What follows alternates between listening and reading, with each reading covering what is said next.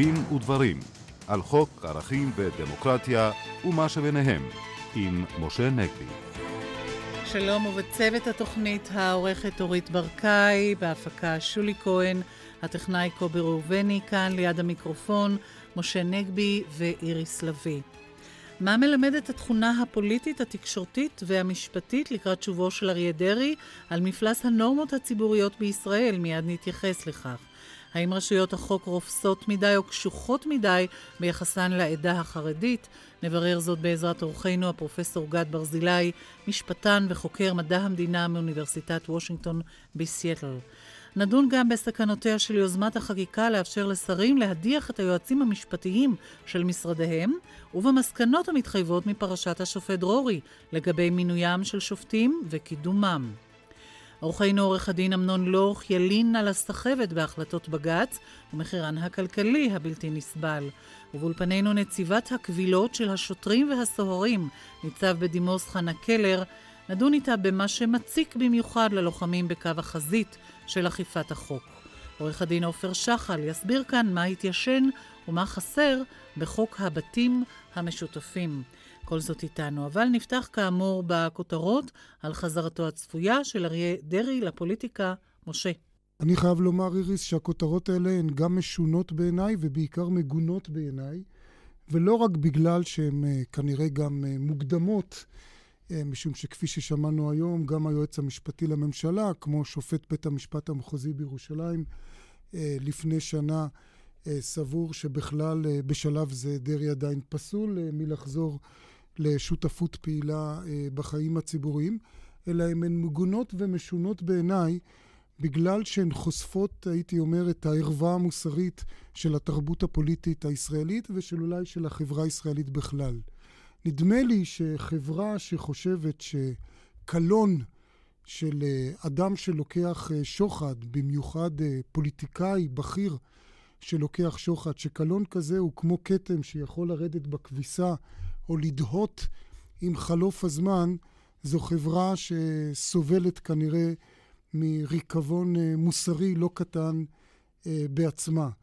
אה, אני חייב לומר שממש הצטמררתי וגם התביישתי בתור עיתונאי, אם יורשה לי, כשראיתי בחלק מכלי התקשורת כותרות בסוף השבוע שעבר על כך שהקלון של אריה דרעי עומד לפוג. ובכן, צריך להעמיד את הדברים על דיוקם. קלון לא יכול אה, לפוג.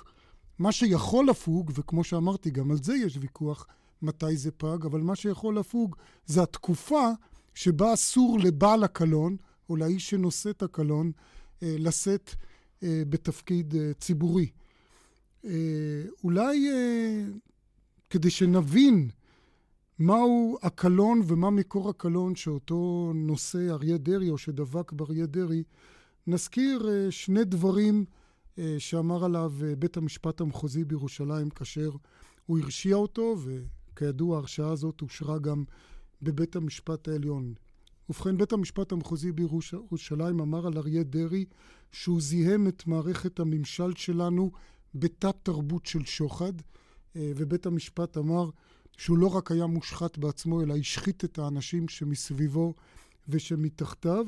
שנית, שהוא ניהל מלחמה נגד המשפט והפרקליטות תוך uh, תעשיית כזבים uh, מתוחכמת. ואני אוסיף גם, ש... והזכרנו את זה כאן לא פעם ולא פעמיים, שבית המשפט גם הגדיר בכלל את עבירת השוחד כאבי אבות הטומאה. עכשיו עוד פעם, אני לא רוצה פה להיכנס לוויכוח, כי הוא טפל בעיניי מתי מסתיימת uh, אותה תקופה uh, שבה אסור uh, לאדם עם קלון אה, לחזור לחיים הציבוריים, אם זה כבר השנה או בשנה הבאה, למרות שאני נוטה גם לדעתו אה, של היועץ המשפטי לממשלה אה, בנושא הזה, שזה רק בשנה הבאה, אבל אני רוצה לומר שגם כאשר תסתיים התקופה הזאת, זה לא אומר שאריה דרעי כשר לחזור לחיים הציבוריים. בית המשפט העליון בפירוש הבדיל בין כשירות חוקית לבין כשרות ערכית.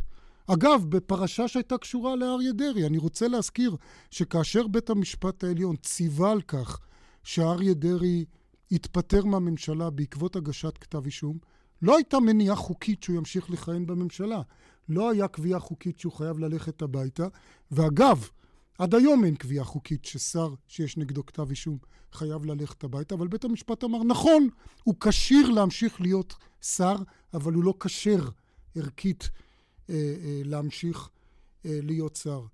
אז אה, אני אסכם בזה שאני אומר שממשלה שאליה יחזור אדם שהורשע במה שהורשע בו אה, אריה דרעי, תהיה ממשלה עם קלון, כנסת שיחזור אליה אדם כזה, תהיה כנסת עם קלון, ומדינה שמוכנה לחיות עם זה, היא לצערי הרב תהיה חלילה מדינה עם קלון. פרופסור אה, גד ברזילי מאוניברסיטת וושינגטון, אנחנו שמחים לארח אותך קודם כל בביקור כאן בארץ וגם אצלנו באולפן.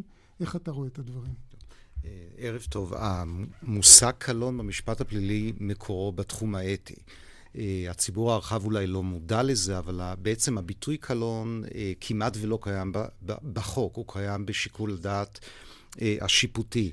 עכשיו, לרוע המזל, כשהמושג קלון עבר מהתחום הציבורי לתחום הפלילי, שם הוא בעצם מוצע, וככה נוצר מצב שאנשים לאחר שהם מיצו או ריצו את עונשם, אה, יכולים לחזור מיידית לתחום הפוליטי. מה שאני מציע הוא להבחין בין שני מושגים, בעצם בעקבות הדברים שגם אתה אומר, והוא שמחד גיסא אדם יכול למצות את אחריותו המשפטית, עדיין אני חושב שראוי לדון בשאלה של אחריותו הציבורית. כלומר, ראוי לדון בשאלה האם לאחר מיצוי העונש הרשמי שהוטל על אדם, האם הציבור מעוניין להסיר אחריות ציבורית מאדם שהורשע בעבירה כבדה, קרי קלון, ומעוניין מיידית לחזור לחיים הפוליטיים. כאן לדעתי טמונה הבעיה, כלומר שנוצר שיח משפטי שהוא כביכול ממצה את מלוא היקף האחריות של איש ציבור. עורך דין עופר שחל בנושא הזה? בדיוק אה, אני רוצה להצטרף. השאלה היא לא תמיד משפטית. אנחנו מתחילים ורואים כמעט כל דבר דרך אה, עיניים משפטיות, וזה עוול. אה, וגם הדיון כאן, אני מוכן, אין לי שום בעיה. אין לי זיכרון קצר. אריה דרעי הוא אה, אה, אדם שמבחינתי ציבורית אני לא, לא רוצה לראות אותו חזרה. והדיון הפורמליסטי, המשפטני מדי, אה, האם מותר לו, אסור לו לחזור, הוא מחטיא את העניין. שוב אתה מדבר על נורמות אולי, ולא על uh, משפט. בדיוק. אנחנו עוד מעט uh, נעסוק כאן uh, בנושא ההתנגשויות האלימות בין רשויות החוק לתושבים החרדים, אבל לפני כן אנחנו רוצים להתעדכן, כתבתנו שיר שגיא, uh, מה קורה עכשיו בפרשת uh, אותה אישה שסרבה uh, ללכת לבדיקה הפסיכיאטרית? שלום, ויש התפתחויות, דיון חירום שמכנסת השופטת נשיאת בית משפט השלום בירושלים, שולי דותן, בעקבות זה שהאם לא התייצבה היום לבדיקה הפסיכיאטרית, שנזכיר, זה היה צו, זה היה תנאי לשחרור, לשחרורה למעצר בית אצל הרב פרויך, שהיא היום מתייצבת לבדיקה פסיכיאטרית. הפסיכיאטר שהוסכם על הצדדים, דוקטור וייל, הגיע היום לבית המשפחה, אבל אנשים שם חסמו את דרכו, אמרו לו, האם לא מרגישה טוב ושילחו אותו.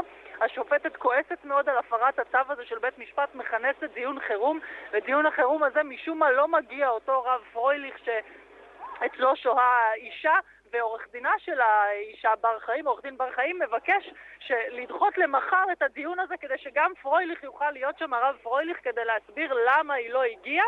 השופטת מקבלת את זה חרף uh, טענות המשטרה שאומרים, שאומר, אומר, נציגי המשטרה אומרים בדיון אז שתיבדק את הבדיקה הפסיכיאטרית בבוקר, מה זה שייך? אז uh, עורך דין בר חיים אומר, לא, אנחנו רוצים קודם כל שהרב פרוליך יסביר למה היא לא הגיעה היום, לכן מחר בארבע עוד דיון שיעסוק בלמה האם לא הגיעה היום לאותה בדיקה uh, פסיכיאטרית לפי צו בית המשפט, ואז בדיון הזה גם הרב פרויליך יוכל להיות נוכח, ועד שיסתיים, שלא יסתיים הדיון הזה מחר, האם לא תיבדק. המשטרה, מיותר לציין, אה, רותחת, היא מבקשת צו איסור, אה, צו עיכוב יציאה של האישה הזאת מהארץ, מתחילים שם לחשוש שאולי יש איזה... אה, ניסיון פה לסכל את הבדיקה הפסיכיאטרית. השופטת דותן אומרת, אני מאוד מקווה שאין פה איזשהו ניסיון אה, לסכל או לעשות צחוק במרכאות מהחלטת אה, בית המשפט, וגם ההחלטה שלה מאוד לא שגרתית, כי נזכיר, מדובר בצו בית משפט, תנאי לשחרור של האישה למעצר בית, ויש שאמרו שבמסדרונות בית המשפט היום, שאם היה מדובר באדם אחר, ואם לא, היה, לא הייתה מרחפת סכנת המהומות והאלימות מעל, של, מעל לראשו של בית המשפט ומעל לראשה של ירושלים כולה, סביר להניח שאדם אחר שהיה מפר צו בית משפט, היו מחזירים אותו לא. למעצר, מאחר שמדובר בי בתנאי לשחרור, כן. כך שההחלטה מאוד מאוד לא שגרתית ומאוד מאוד מעניין מה שקורה מבחינת ההתפתחויות. אנחנו מאוד מודים לך, שיר שגיא, כתבתנו לענייני משטרה, תודה לך.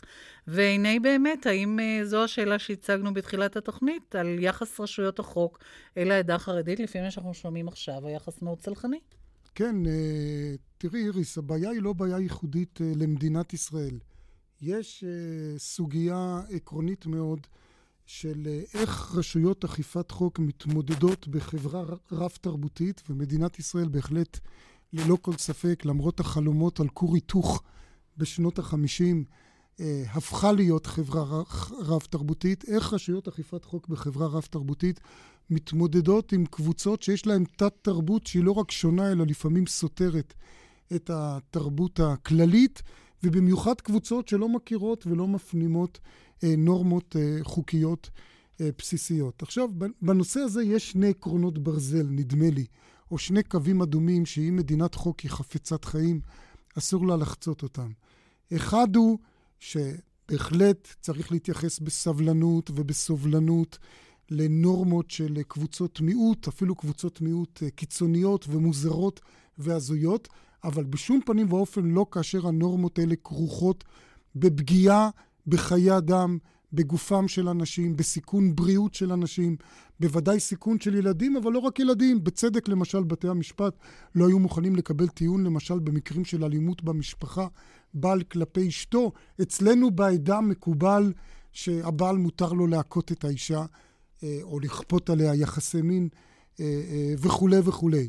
אז זה, זה, זה, זה קו אדום אחד. קו אדום שני, אסור בשום פנים ואופן ש, שמדינה, עוד פעם, חפצת חיים כמדינת חוק, בלחץ של הפגנות ומחאות אלימות, תוותר על אכיפת החוק.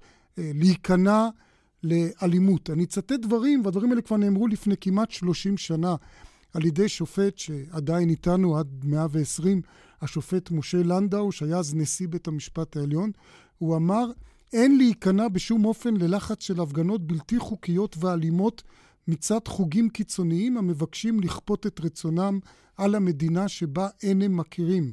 זוהי חרב פיפיות מסוכנת עד למאוד, העלולה להסגיר את המוסדות הציבוריים לידי הטרור של הרחוב, אלימות מולידה אלימות נגד, ומדינה שבה כל דאלים גבר הורס את עצמה אה, מבפנים. כמו שאני אומר, לפני 30 שנה. פרופסור גד ברזילי, אני אגיד למאזינים, אתה כתבת ספר מאוד אה, מקיף, מאוד גדול, על הנושא הזה של אכיפת חוק על אה, קהילות מיעוט מסוגים שונים, לא רק בישראל, אבל גם הבאת את הדוגמה הישראלית כמובן. איך אתה רואה את ה... סוגיה כרגע. במקרה הספציפי הזה אני לא רואה כאן דילמה קשה של רב תרבותיות. אה, אני לא מניח שהעדה החרדית מתאפיינת ברשעות ואכזריות כלפי ילדים, ההפך מזה. כאן לדעתי מדובר במקרה ספציפי. שבגלל כנראה סיבות פוליטיות פנים קהילתיות הפך לאירוע פוליטי רב, רב משמעות, אבל לא דילמה של רב תרבות. אין שום ספק שאם אדם מתעלל בילדיו, אה, ראוי שרשויות התביעה תתערבנה. גם במקרה הספציפי הזה, אגב, הפנייה הייתה מתוך בית החולים למשטרה, כלומר שזו אפילו לא הייתה מיוזמתה של המשטרה. לכן זה שונה מאוד מדילמות של רב תרבותיות שאנחנו רואים גם בישראל וגם באירופה, כדוגמת לבישת רעלת הנשים באירופה, או מילת נשים. אה, באופן עקרוני, אני חסיד גדול של שימור תרבויות של קהילות, ועד כמה שאפשר רשויות תביעה ואכיפה חייבות לאפשר לתרבות לא מקובלת עליהם להתקיים. אז למשל עמדתו אבל... של סרקוזי היום... לאסור על הרעלה? היא נראית לך כפייה מאוד, אה, של... כן, כאן מדובר בכפייה שאנחנו מכנים אותה בספרות התיאורית כפייה רפובליקנית, כלומר שהמדינה כופה ערך מסוים על ערכים אחרים. במקרה הנדון כאן ב- בירושלים, כאן מדובר על, על, על חשד בפשע של אם כלפי ילדה. זה איננו ממנהגה של הקהילה החרדית. ולכן כאן, במקרה הספציפי הזה, אני חייב לומר שאני לא רואה דילמה עקרונית של רב תרבותיות. אבל יש כאן בעיה של התגדרות הקהילה כנגד בדיוק. המשטרה. נכון. אולי לא רב תרבותיות, אבל בפירוש התגדרות. נכון. ו... לא רק זה, הם גם... שמעתי היום שהם אומרים, בואו תנו לנו, אנחנו כבר נטפל בזה בעצמנו. ואתה לא בטוח אם הטיפול הזה הוא לא בעצם חיפוי. אנחנו שומעים, וכמובן אנחנו מדברים פה, ואני מדגיש את זה רק עד כמה שאפשר להדגיש, כי זה חשוב להדגיש. כמובן לא מדובר חלילה בוודאי לא בכל החרדים, ואפילו לא בכל אה, העדה החרדית, אלא כמו שאמרת, זה אולי קבוצות מאוד מאוד מצומצמות. אבל יש אנשים ש... שאנחנו יודעים מדי פעם זה עולה גם שלא מדווחים על מקרים של התעללות מינית בתוך המשפחה מסיבות כאלה או אחרות. כן. בדרך כלל, ב, בדרך כלל בספרות של רב תרבות אנחנו עושים הבחנה מאוד ברורה בין מקרים שעל פי החשד הם פליליים לבין מקרים אחרים.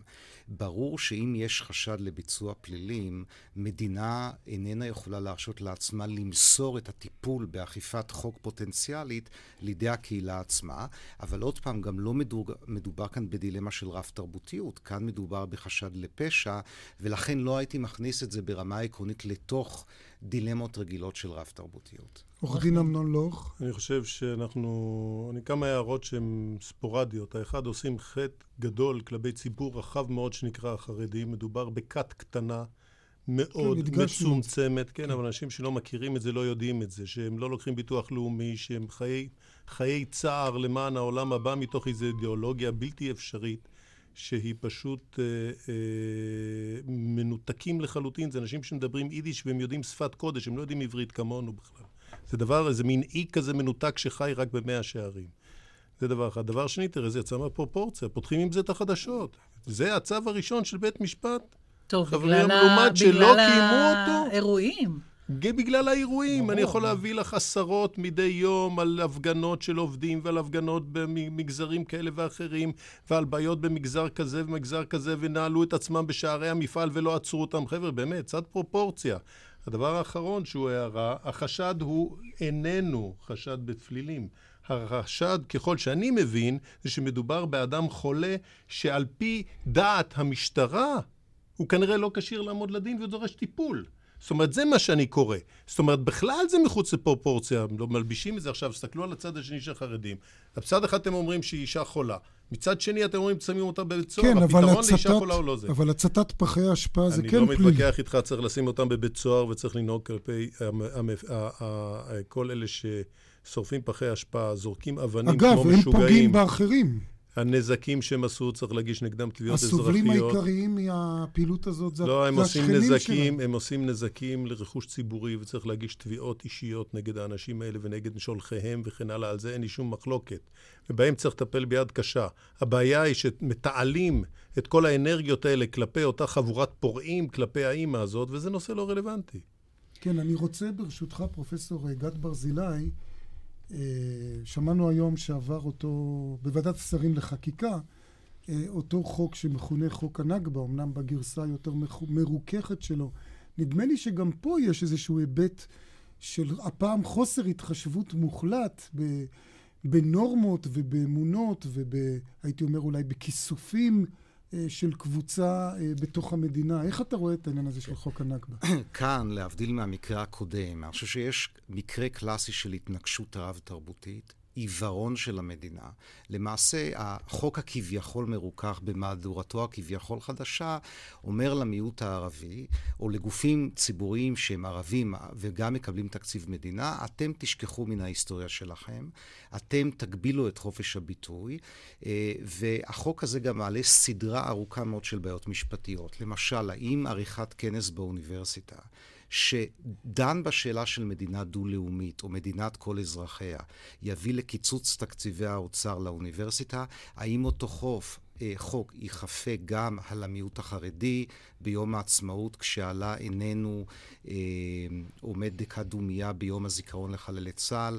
יש כאן מקרה רע של עיוורון לרב תרבותיות. לדעתי, אגב, אחת ההשלכות הפוליטיות של החוק תהיינה שאותם גופים שבעבר מומנו על ידי המדינה עלולים לקבל מימון מתנועות פונדמנטליסטיות אסלאמיסטיות, כך שהחוק, מעבר להיותו אה, עיוור מבחינה אתה משפטית. אתה אומר לא רק לא צודק, אלא גם לא חכם. גם לא צודק וגם מאוד לא חכם פוליטית. כן, אולי, אולי אני רק אגיד, אני חוזר לרגע לנושא הקודם.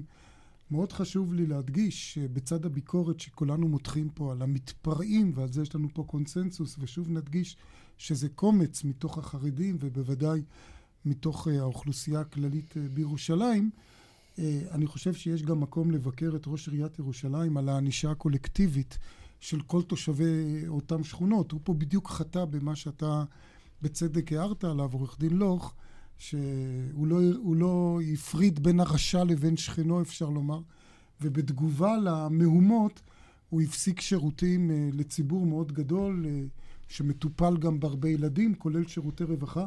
ועוד פעם, אני חושב שזה גם לא צודק וגם לא חכם, כי הוא בעצם עלול לגרום לכך שחלק מאותם אנשים יידחפו לזרועות אותה... אגב, זה היה לאחר שהם נפגעו, אותם עובדי עירייה.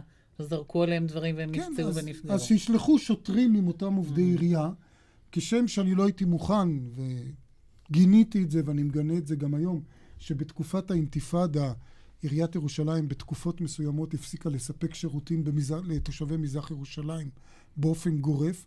אני לא חושב שאתה יכול להעניש את כל תושבי מאה שערים על התפרעויות של אה, כת מאוד קטנה, כפי שתיאר אותה בצדק אה, עורך דין אמנון לוך. נסתפק בדברים האלה, ועכשיו לעוד יוזמת חקיקה, וזו יוזמת חקיקה שתאפשר לשרים להדיח את היועצים המשפטיים של משרדיהם לאחר זמן, או בנקוף אה, דברים שונים. שוב אליך, פרופ' גד ברזילי, אנחנו רוצים לשמוע את דעתך על העניין הזה. תראי, עקרון יסוד בייעוץ משפטי לממשלה, ועל כך גם uh, עמדנו ב, במונוגרפיה שפרופסור נחמיאס ואני פרסמנו בזמנו לגבי היועץ המשפטי והתביעה הכללית, זה כמובן לאפשר עד כמה שאפשר עצמאות ליועץ משפטי לממשלה מגורמי כוח פוליטיים. עכשיו, מחד גיסא, וכמובן שמדובר באיזון הדין, מחד גיסא אסור להיות נאיבים, וכמובן שיש לאפשר גם לשרים כושר תמרון מסוים. מאידך גיסא, כיוון שבעקבות פסיקות בג"ץ, יועצים משפטיים למשרדים ולממשלה הם בעלי אה, מעמד מיוחד במשפט הישראלי, בוודאי במשפט המנהלי והציבורי, אני חושב שהצעת החוק הזו היא מאוד פרובלמטית. היא למעשה מאפשרת לשר להפוך את היועץ המשפטי לעלי התאנה. של המשרד או של השר עצמו, ולכן בוודאי בניסוח הקיים זאת הצעת חוק לא טובה ולא ראויה, כיוון שהיא מייצרת תלות, אה, לדעתי מוחלטת, של היועץ המשפטי של המשרד הממשלתי הנתון בשר, וזה רע. אולי רק לא נביא טוב. לידיעת המאזינים, שבוודאי לא, אולי לא עיינו בהצעת החוק, שעל פי הצעת החוק הזאת, כשיש חילוקי דעות מהותיים וממושכים בין השר לבין היועץ המשפטי של המשרד שלו, הוא יכול לפטר אותו, גם תוך כדי הקדנציה, אבל יותר מזה, בחוק יש הוראת מעבר שאומרת שמהיום שהחוק עובר בכנסת, שנה לאחר מכן כל שר יכול להחליט אם הוא רוצה להשאיר את היועץ המשפטי או להעיף אותו, אפילו בלי חילוקי דעות. ואני רוצה לשאול אותך, אה, אה, הגברת חנה קלר, היום את נציבת קבילות שוטרים וסוהרים, אבל היית שנים רבות תחת השר שחל והשר קהלני, יועצת משפטית של השר לביטחון פנים. איך את רואה את היוזמת חקיקה הזאת? אין לי אלא להצטרף לדברים, ואני רואה את זה עוד יותר אפילו בחומרה, כי כשאני מעיינת בהצעת החוק, אני רואה שהסמכות הזאת היא להפסיק את עבודתו של היועץ המשפטי, ליועץ המשפטי לממשלה אין שום מעמד. והיועץ המשפטי לממשלה הוא המנחה המקצועי. הדרך הנכונה היא כאשר יש חילוקי דעות מהותיים על פרשנות של חוק, אם מנכ"ל או שר לא מוכנים לקבל את זה, בבקשה, נביא את המחלוקת לפני הגורם שהוא המוסמך, הוא המנחה של הממשלה, היועץ המשפטי לממשלה. אני עשר שנים שימשתי בתפקיד הזה, והיו גם מקרים שלא הגענו לכלי הסכמה. ברור כי יועץ משפטי יש עליו רק מרות אחת, מרותו של החוק. הוא לא יכול להגיד אם זה כן מוצא חן, או לא מוצא חן. אם אני, זה פופולרי או לא כן, פופולרי. כן, אני כמובן, כשבא שר חדש וקובע מדיניות, החובה שלי, ואני צריכה להתאמץ לראות האם במסגרת הוראות החוק ובמסגרת קיומו של אה, הליך מנהלי תקין, אני יכולה לסייע. ואני כמובן לא מראש אגיד כל דבר לא, לא, לא. צריך יצירתיות, צריך. מחשבתיות, צריך, אבל ראשית כל הנאמנות לחוק. ראשית כל הנאמנות לחוק. עורך דין אמנון לוך, בעניין הזה, דעתך? דעה קצת שונה, לא? הדעה קצת שונה במובן זה שצריך לקצוב ליועצים משפטיים קדנציות ברמה סבירה, כמו יועץ משפטי לממשלה. הקדנציה שלו היא שש שנים, ישבה על המדוכה ועדה בראשות נשיא בית המשפט העליון לשעבר שמגר, והבעיה היא בהוראות ההחלפה שנולדו בהצעת החוק הזו, שאני מסכים שהם הלכו קצת רחוק מדי. אבל כשיועץ משפטי יושב עשר שנים, עשרים שנה, שלושים שנה, מגיע שר והוא מסביר לו איך צריך לעשות ואיך צריך להיות, it's more of the same, ומה שאני אומר, זה אני, אני החוק, ההורים ולא... והתומים. ואני ההורים בתומים, גם בזה יש בעיה, וזה לא כך נורא אם תהיה רוטציה, אפילו בין משרדי הממשלה למיניהו, גם ברשויות מקומיות, גם במקומות אחרים, לקצוב את הקדנציה, אם אפשר לקצוב את הקדנציה של מני מזוז לשש שנים, ואסור על פי, די, על פי החלטת ממשלה להאריך לו. אז אפשר גם לקצוב את הקדנציה לכל אחד מהיועצים המשפטיים האחרים. אנחנו נעבור לעדכון החדשות, אולי נמשיך אחר כך אה, עוד כמה מילים. בבקשה, ריבי גדות עם העדכון. אנחנו כאן בדין ודברים לפני שנמשיך. אה, הערה כאן מן השולחן, אה, משה, ב... לזכרו אולי הוא אה, של האלוף מאיר עמית שהלך לעולמו. כן, אני כמובן קטונתי ואין לי שום כישורים להעריך את פועלו הביטחוני, אבל אני רוצה לומר משהו ערכי. אני תמיד אזכור את מאיר עמית כמי שלאחר מלחמת ששת הימים עמד על רגליו האחוריות ולא הסכים בשום פנים ואופן שתתבצע עסקת חילופי שבויים עם מצרים בלי שישוחררו אסירי הפרשה אה, משנות החמישים. וצריך לזכור שבעקבות מבצע קדש בוצעה עסקת שבויים שבה ויתרו על שחרורם של אסירי הפרשה והם המשיכו להינמק בכלא עוד 11 שנים עד מלחמת ששת הימים, ולימים מאיר עמית סיפר שהוא אמר לשר הביטחון דאז משה דיין, אם לא ישוחררו אסירי הפרשה ב-67, אני גם אתפטר מראשות המוסד וגם אצא באופן פומבי ואוקיע את הדבר הזה, ואכן הם שוחררו. וכשאני רואה היום שגלעד שליט כבר למעלה משלוש שנים בשבי החמאס, וג'ונתן פולארד, עם כל ההבדלים כמובן בין שני המקרים, והם הבדלים לא מעטים, נמק בכלא האמריקאי כבר 23 שנים, אם אני סופר נכון, אה, ואני לא רואה שמישהו בקהיליית הביטחון אה, פועל בצורה דומה, מאיר עמית חסר לי שבעתיים. עכשיו לנושא הבא. העיתון מעריב מפרסם שהעיכוב בהכרעת בג"ץ בעניין בית הסוהר הפרטי עולה לנו, משלמי המיסים, מיליארדים. עורך הדין אמנון לוך, אתה מספר לנו שכל הסחבת הזאת עולה לנו הרבה כסף. כל הסחבת הזאת עולה לנו, כל אחד מאזרחי המדינה, הרבה מאוד כסף. הדוגמה של בית הסוהר הפרטי היא דוגמה טובה, אבל יש כאלה עשרות דוגמאות איך בית המשפט הפך להיות בעצם מעכב צמיחה כלכלי. כשהיום אדם ערב, אנחנו לא מזמן התפשרנו בתיק, אחרי שש שנים עוד לא קבעו לנו שופט, התפשרנו בתיק שגוף שהיה ערב לחייב מסוים, לחוב מסוים, סירב לשלם את החוב, אבל פשוט עוד לא הגענו לזה שיש לנו שופט, אז אין ברירה וצריך להתפשר.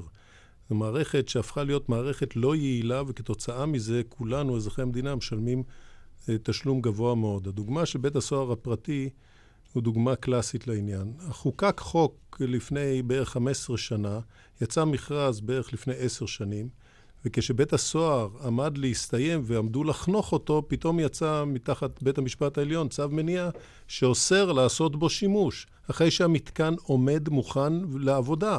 כבר אנשים גויסו וחונכו ולומד, וקיבלו תפקידים.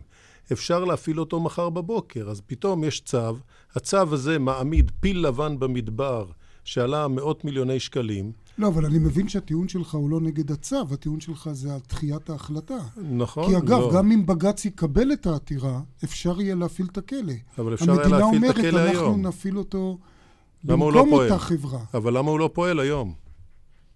זה בגלל שההחלטה מתעכבת. לך אבל, או למה, לך. אבל, אבל העתירה הוגשה לפני שנים.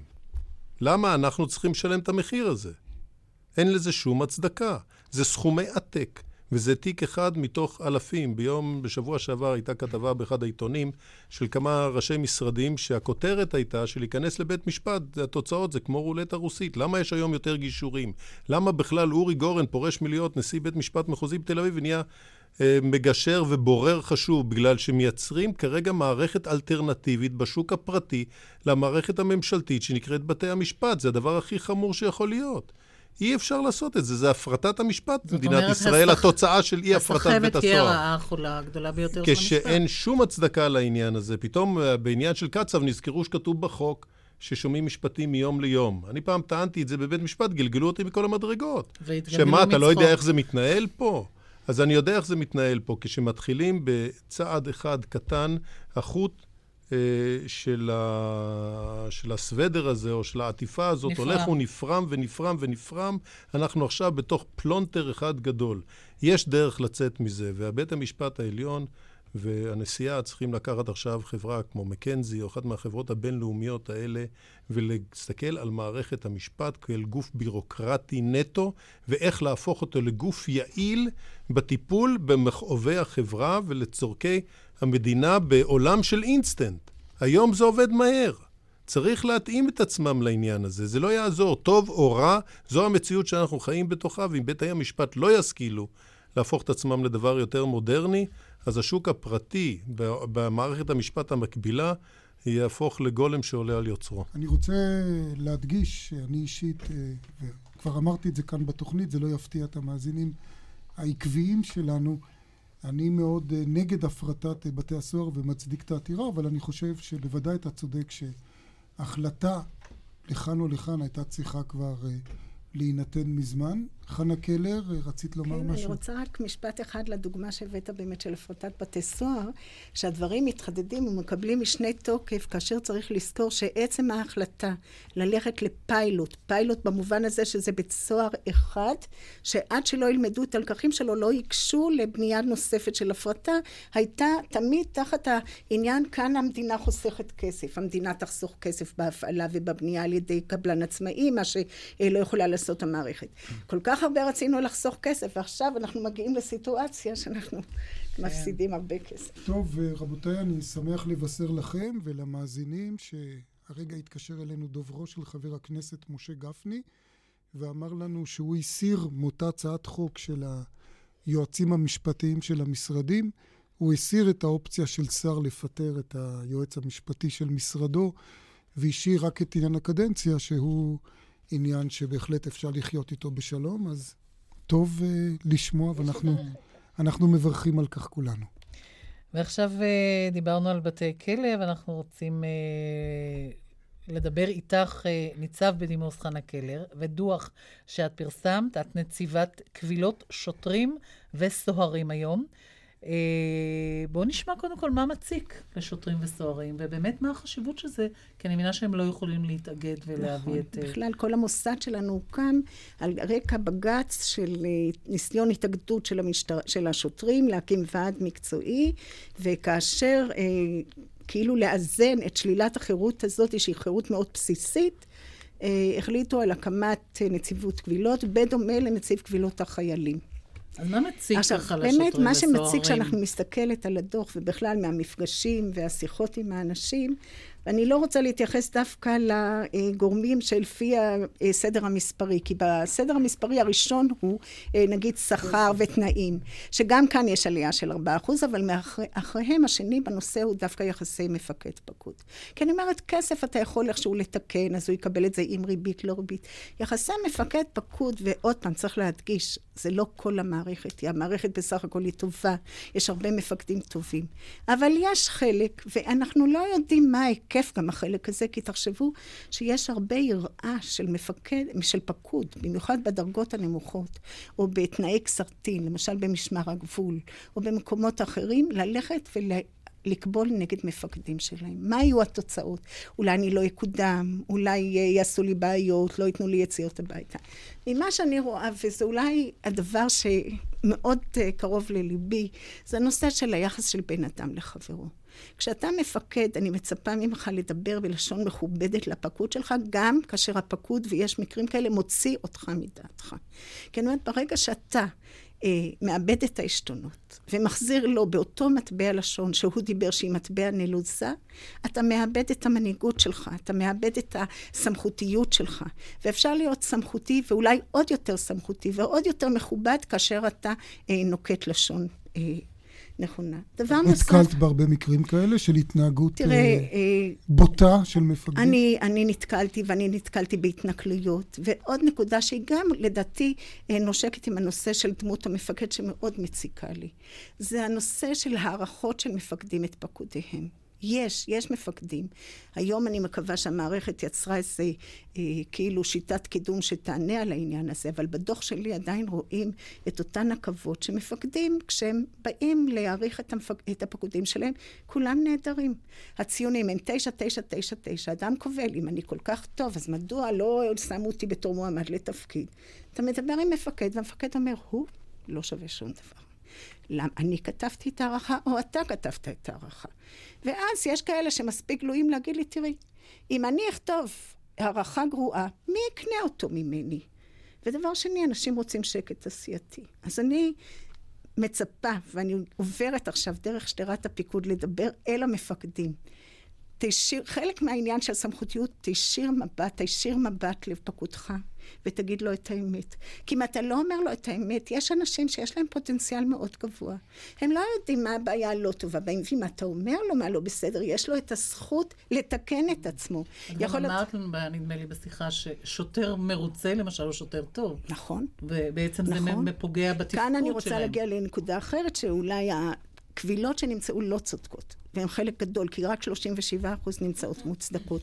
ואני רואה חשיבות לא פחותה בנושא של הלא צדוקות, לא צודקות, כי הרבה פעמים בא אליי שוטר מתוסכל, וכמו שאתה ראש קטן, לא רוצה ליזום, לא... הולך עם בטן מלאה. וכשאתה מפרק לו את הסכסוך, וכשאתה מראה לו, זה לא היה אישי נגדך, המפקד או המערכת לא יכלה לתת לך את מה שאתה רוצה, או בגלל הוראת חוק, או בגלל הוראה של האוצר, או בגלל הוראה אחרת, או שהמפקד צדק ואתה לא ראית מידע שלא היה בפניך. גם אז כשהוא אומר לך תודה, זו תודה שהיא הרבה יותר גדולה ויותר חשובה בעיניי מאשר מי שנתתי לו את הזמן. את כנציגת הקבילות גם מפרקת, כמו שאת קוראת, את הסכסוכים? גם עושה את הגישור הזה? את יודעת מה? אנחנו עושים את הגישורים במקרה של מפקד פקוד על באמת יחס לא נאות, כאשר שניהם צריכים להיות בכפיפה תחת גג אחד, וצריכים להמשיך ולשרת. אז אם הם ימשיר, אם אני אקבע מי צודק או מי לא צודק, אז אחד תמיד ירגיש, אה, אני מחכה לו בפינה, יש לי עדיין בטן mm-hmm. מלאה.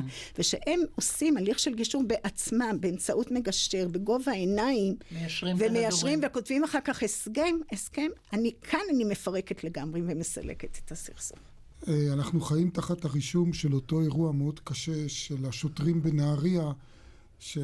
אני לא אוהב את הביטוי נטלו את החוק לידיהם, אלא אפשר להגיד רמסו את החוק ברגליהם והחליטו לפעול כפי שפעלו מתוך תסכול או טענות שהיו להם כלפי, עוד פעם, היעדר גיבוי מלמעלה למלחמה בפשיעה וכולי. את חושבת שזה מקרה שפנייה אלייך הייתה אולי מונעת את ההידרדרות הקשה הזאת? כן, אני חושבת שלא היו פונים אליי ואומרים שהם מרגישים שאין להם גיבוי, ואני הייתי קטליזטור אולי להניע או להסב את תשומת לב הפיקוד, תראו, יש כאן בעיה, צריך לפתור אותה. ובעניין הגיבוי כאן אי אפשר לקבל שום דבר כזה ששוטרים לוקחים את החוק לידיים.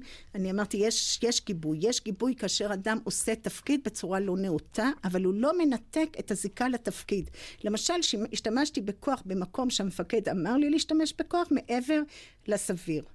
אבל לעומת זאת שיש התעמרות, או שאדם לוקח והוא עצמו חושב שהוא יאכוף את החוק על ידי עבירת רמיסת החוק, כמו שאמרת, כאן המערכת לא יכולה לתת שום גיבוי. חבל שזה הגיע למצב כזה, כי אני חושבת שבלי להצדיק את השוטרים בשום צורה שהיא, הם הגיעו לאיזה מצוקה והם נדחקו, כן, והם לקחו את החוק לידיים בגלל שאולי לא האזינו להם, אולי בשלבים, חשבתי לעצמי, לו היו פונים אלינו, אולי יכולנו לעזור להם.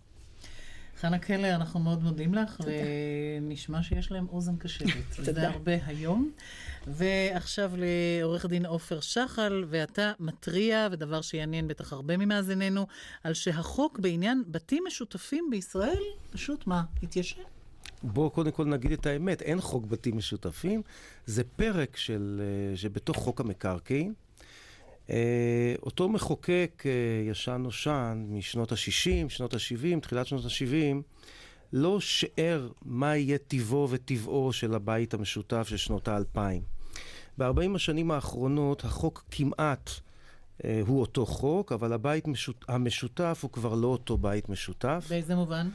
הרבה מאוד סוגיות, אולי נתחיל בזמנו, ברוח ההתנדבות שהייתה שורה פעם בישראל, ועד הבית, שגם כך עבודתו הייתה מועטה יחסית, אה, היה ועד מתנדב. אבל היום, אה, בכל פינה ובכל רחוב, עולות שאלות של שכר לחברי ועד. או שחברי ועד אומרים, תפטרו אותנו ממיסי הוועד תמורת העבודה שלנו נכון. בוועד. בחוק אין לזה זכר. אז uh, הפתרונות הם בשטח.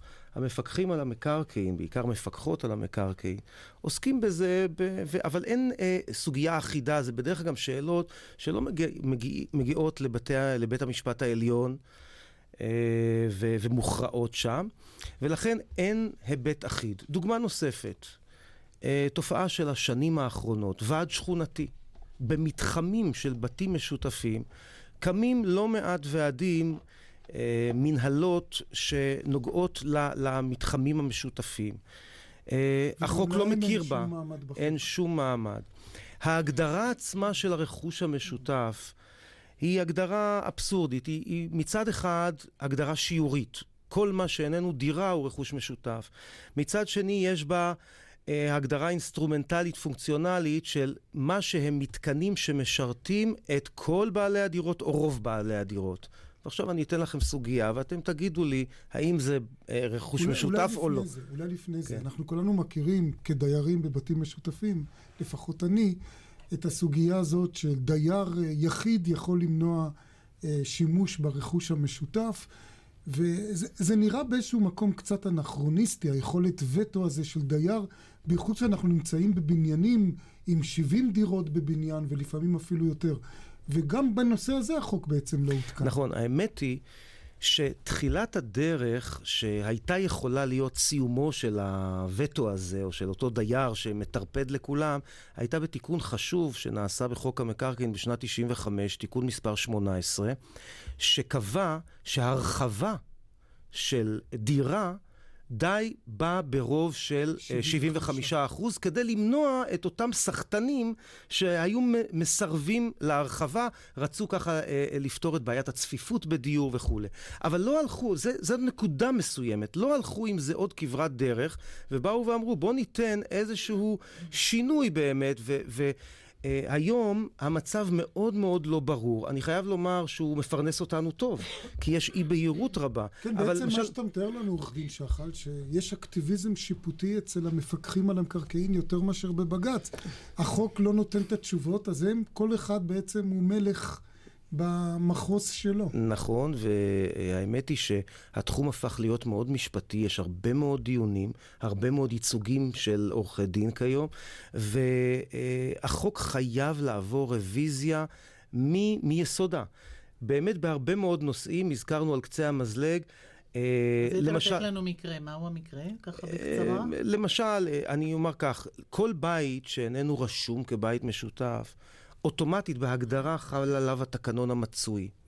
אבל זה יוצר מצב שבתים שבמשך שנים רבות לא נרשמים כבתים משותפים, ודיירים רוצים לקבוע בהם הסדרים מיוחדים להם, לדוגמה, אה, שדיירים סרבני תשלום לא יוכלו להיבחר לוועד. זה נושא שהחוק לא מטפל בו, אבל הם לא יכולים לעשות הסדר כזה, משום שעד שלא יירשם הבית המשותף, הם לא יוכלו לקבוע בתקנון שום הסדר משל עצמם. יש פה אנומליה. אז מי האינסטנציה, אם שומעים אותנו עכשיו מאזינים? יש להם ככה סכסוכים האלה? שינוי חקיקתי, שינוי חקיקתי, אני, אני הייתי ממליץ לאיזושהי ועדה או לחברי כנסת, אבל אה, אה, אולי איזשהו גוף משולב, משרד משפטים, חברי כנסת, גופים ציבוריים, לעבוד על הנושא הזה, שהוא לפעמים ככה, בגלל שאין בו איזה סוגיות מנהליות, חוקית, כן. חוקתיות, אז אולי, אבל הוא, הוא נוגע לרבים מאוד מאיתנו. למיליונים. כן. אנחנו נסתפק בדברים האלה. תודה לכל אורחינו, לפרופסור גד ברזילי, לניצב בדימוס חנה קלר, לעורכי הדין אמנון לוך ועופר שחל. עורכת התוכנית אורית ברקאי, המפיקה שולי כהן, אה, הטכנאי קובר ראובני, משה לוי, באולפן היינו משה נגבי ואיריס לביא. ניתן להזין לנו גם באתר רשת ב' באינטרנט, נשוב בשידור חי של דין ודברים ביום ראשון הבא אחרי חדשות שבע. אחרינו מגזין המזרח התיכון עם יוני בן מנחם. ערב טוב, להתראות.